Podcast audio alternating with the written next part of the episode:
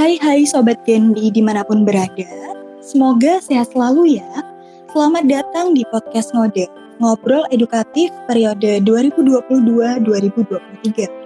Kenalin, aku Faza Saila yang hari ini akan menemani kalian di podcast ini. Podcast Ngode adalah salah satu program kerja Gendi Unesa di periode 2022-2023. Adanya podcast ini bertujuan untuk memberikan edukasi dan sosialisasi kepada masyarakat di berbagai bidang. Hari ini spesial banget nih karena kita kedatangan narasumber luar biasa inspiratif. Siapa lagi kalau bukan ownernya Yami Cookies Cake Pudding. Mari kita sambut dulu Ibu Kurnia Sulistianingsih. Selamat datang Bu Nia. Iya Mbak. Bagaimana kabarnya Ibu? Alhamdulillah baik.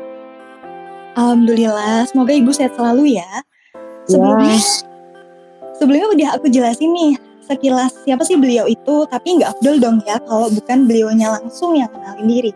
Tak kenal maka tak sayang, silakan Bunia untuk mengenalkan dirinya terlebih dahulu. Hmm, uh, saya Nia. Uh, mulai usaha di puding cake cookies itu mulai serius 2017. Saat ini sih saya menilai kurang ini ya, masih kurang booming karena kurang konsisten di uh, apa ya di sosial medianya saya kurang konsisten karena terlalu sibuk di produksi pegawainya masih satu itu jadi harus lebih konsisten lagi.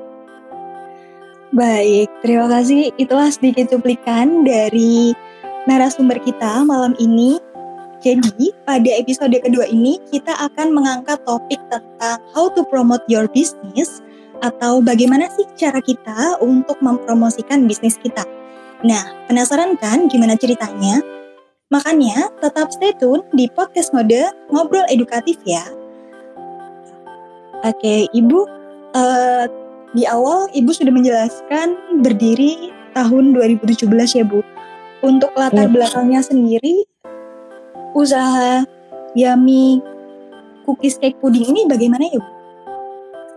Latar belakangnya ya karena pertama saya suka ini ya, saya suka ikut kursus dulu.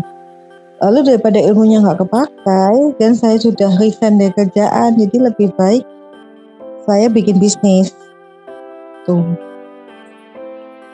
Tentunya saat membangun usaha ini terdapat suka dan dukanya ya Bu. Untuk Ibu sendiri, bagaimana suka duka menjalankan usaha Yami Cookies Cake Pudding ini? Sukanya karena emang suka menghias ya Mbak ya, jadi nggak nggak kerasa capai. Dukanya setelah punya pegawai malah.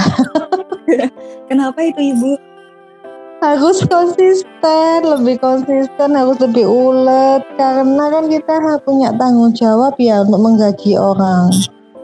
Iya. Nggak mungkin kan kita kalau bekerja sendiri itu masih apa ya masih cuek ya. Tapi kalau kita sudah gaji kita tuh harus tanggung jawab dengan karyawan kita. Itu malah yang apa masih agak apa ya agak ngetek di situ. Cuman ya alhamdulillah sih ini pegawainya rajin orangnya.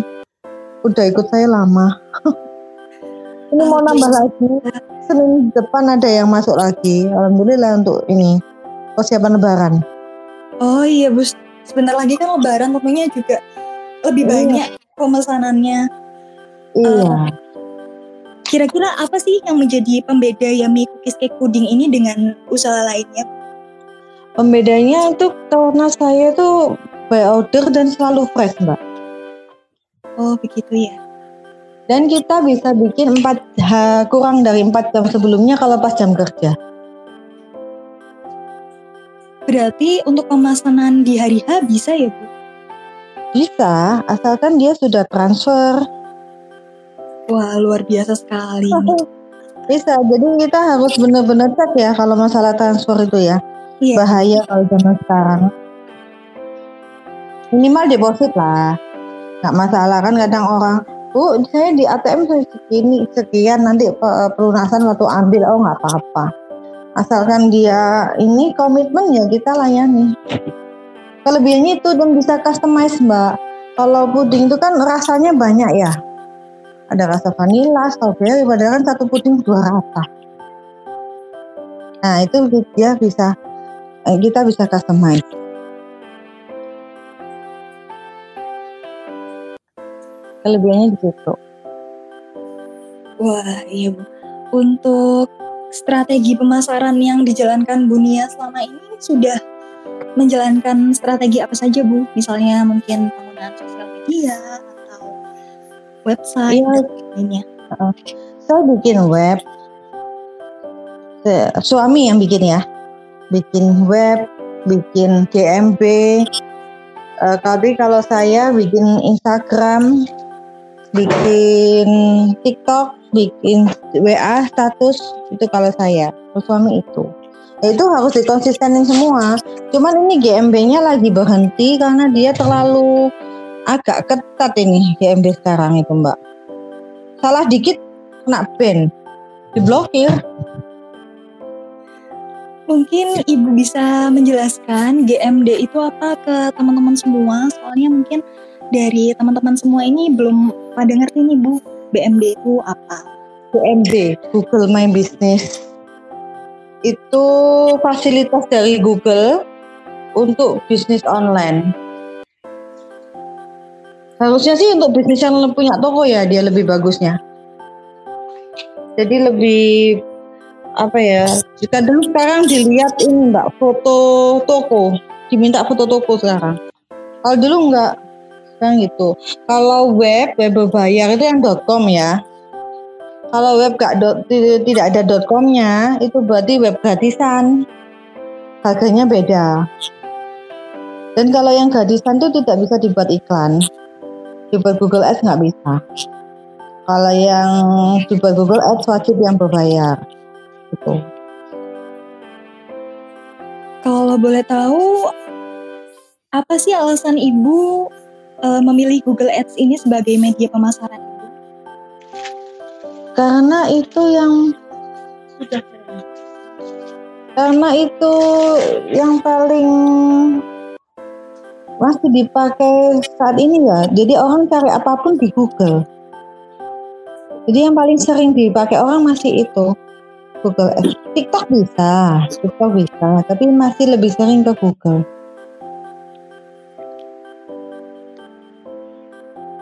Untuk kelebihan dan kekurangannya sendiri dari Google Ads tersebut apa Bu?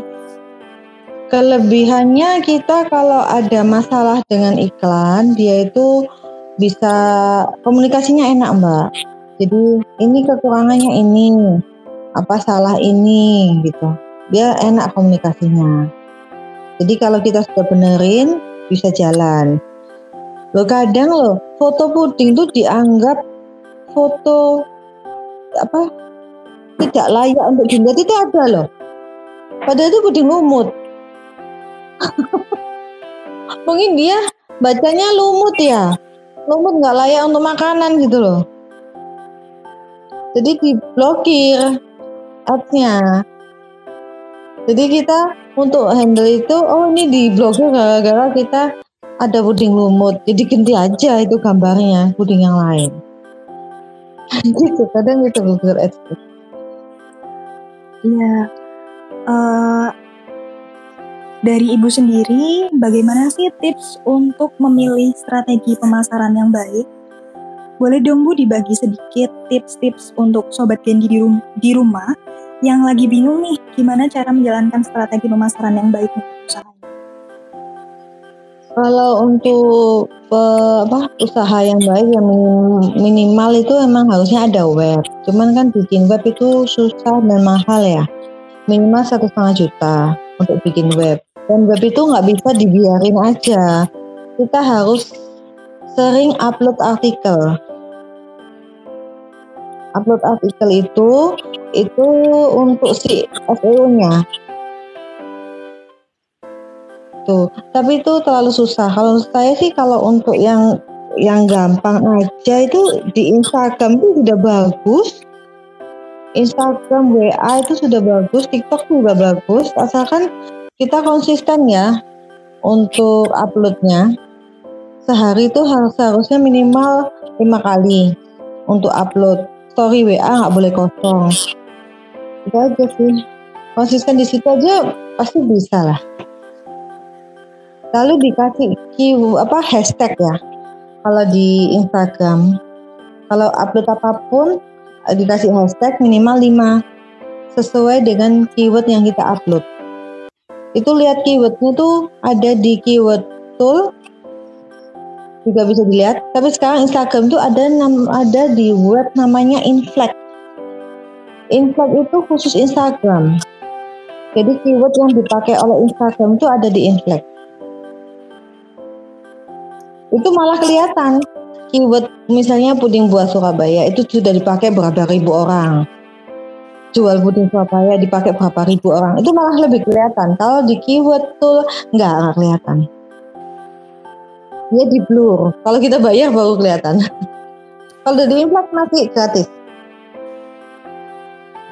Kalau story WA, WA juga harusnya WA bisnis ya kalau sudah mau memang mau berbisnis karena di situ ada katalog, ada balas cepat, ada balas otomatis, lalu ada label. Itu yang memudahkan untuk para pengusaha. Story jangan terlalu banyak, maksimal 5 biar nggak terlalu pusing yang lihat. Itu aja sih mbak tipsnya. Uh, ini bu saya kan lihat IG-nya yang jual puding Surabaya tuh bu. Uh-uh. Pengikutnya hampir 5000 pengikut bu. Saya kan uh-uh. saya lihat wah ini keren sekali loh untuk usaha yang baru istilahnya baru berdiri tahun 2017 ini. Dari ibu sendiri uh, ada nggak bu tips-tips untuk menambah pengikut supaya tertarik untuk mengikuti uh, sosial media dari Yumi yang ya, ini ini? Tiap hari posting. Tiap hari itu harusnya wajib posting. Itu sebenarnya aku nggak tiap hari loh posting. Kurang telaten juga. Tapi story nggak pernah tak kosongi. Story wajib ada. Makanya tiap hari itu minimal posting tuh seharusnya lima kali. Tapi kalau nggak sempet sekali nggak apa-apa. Terus kalau bisa tuh ada soft sale-nya. Kalau saya kan terlalu hasil ya itu ya. Jadi saya nggak ada kayak engagement ke customer saya belum sempat ke sana. Kan harusnya kalau ada engagement ke customer lebih bagus. Belum belum nyampe sana saya. Jadi masih masih merutinkan posting aja.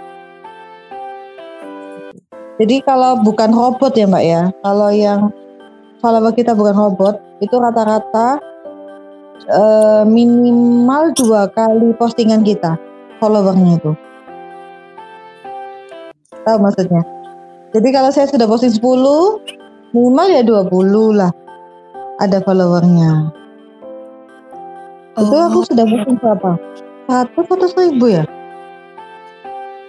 Banyak jadi empat ribu. Kalau sampai ratusan ribu atau apa ribuan gitu dilihat aja yang komen banyak enggak yang like banyak enggak kalau yang like ba enggak banyak yang komen enggak banyak itu berarti dia beli follower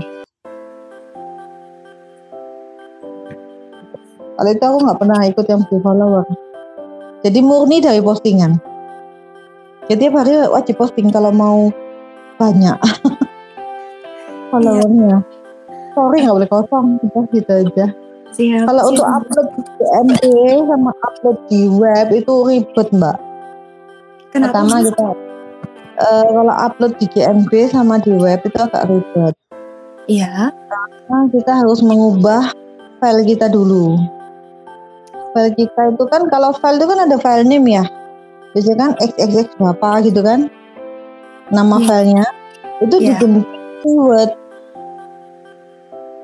Diganti keyword oh diberikan keyword gitu ya Bu uh -uh, jadi misalnya uh, fotonya puding buah jadi kasih keywordnya jadi uh, namanya file itu yang xxx berapa itu diganti jadi puding buah Surabaya itu baru diupload di Google apa di webnya kita atau di GMB. Hmm, ya. Itu lebih mempermudah mesin untuk nyari. Google kan juga mesin. Iya bu. Hmm. Uh, baik, untuk teman-teman begitulah tips dari Dunia selaku ownernya kami Studio. Dari ya, ini kecil. dunia sendiri, adakah motivasi atau pesan-pesan yang ingin Ibu sampaikan untuk teman-teman yang sedang merintis usahanya agar lebih baik lagi ke depannya? Hmm. Untuk usaha wajib fokus.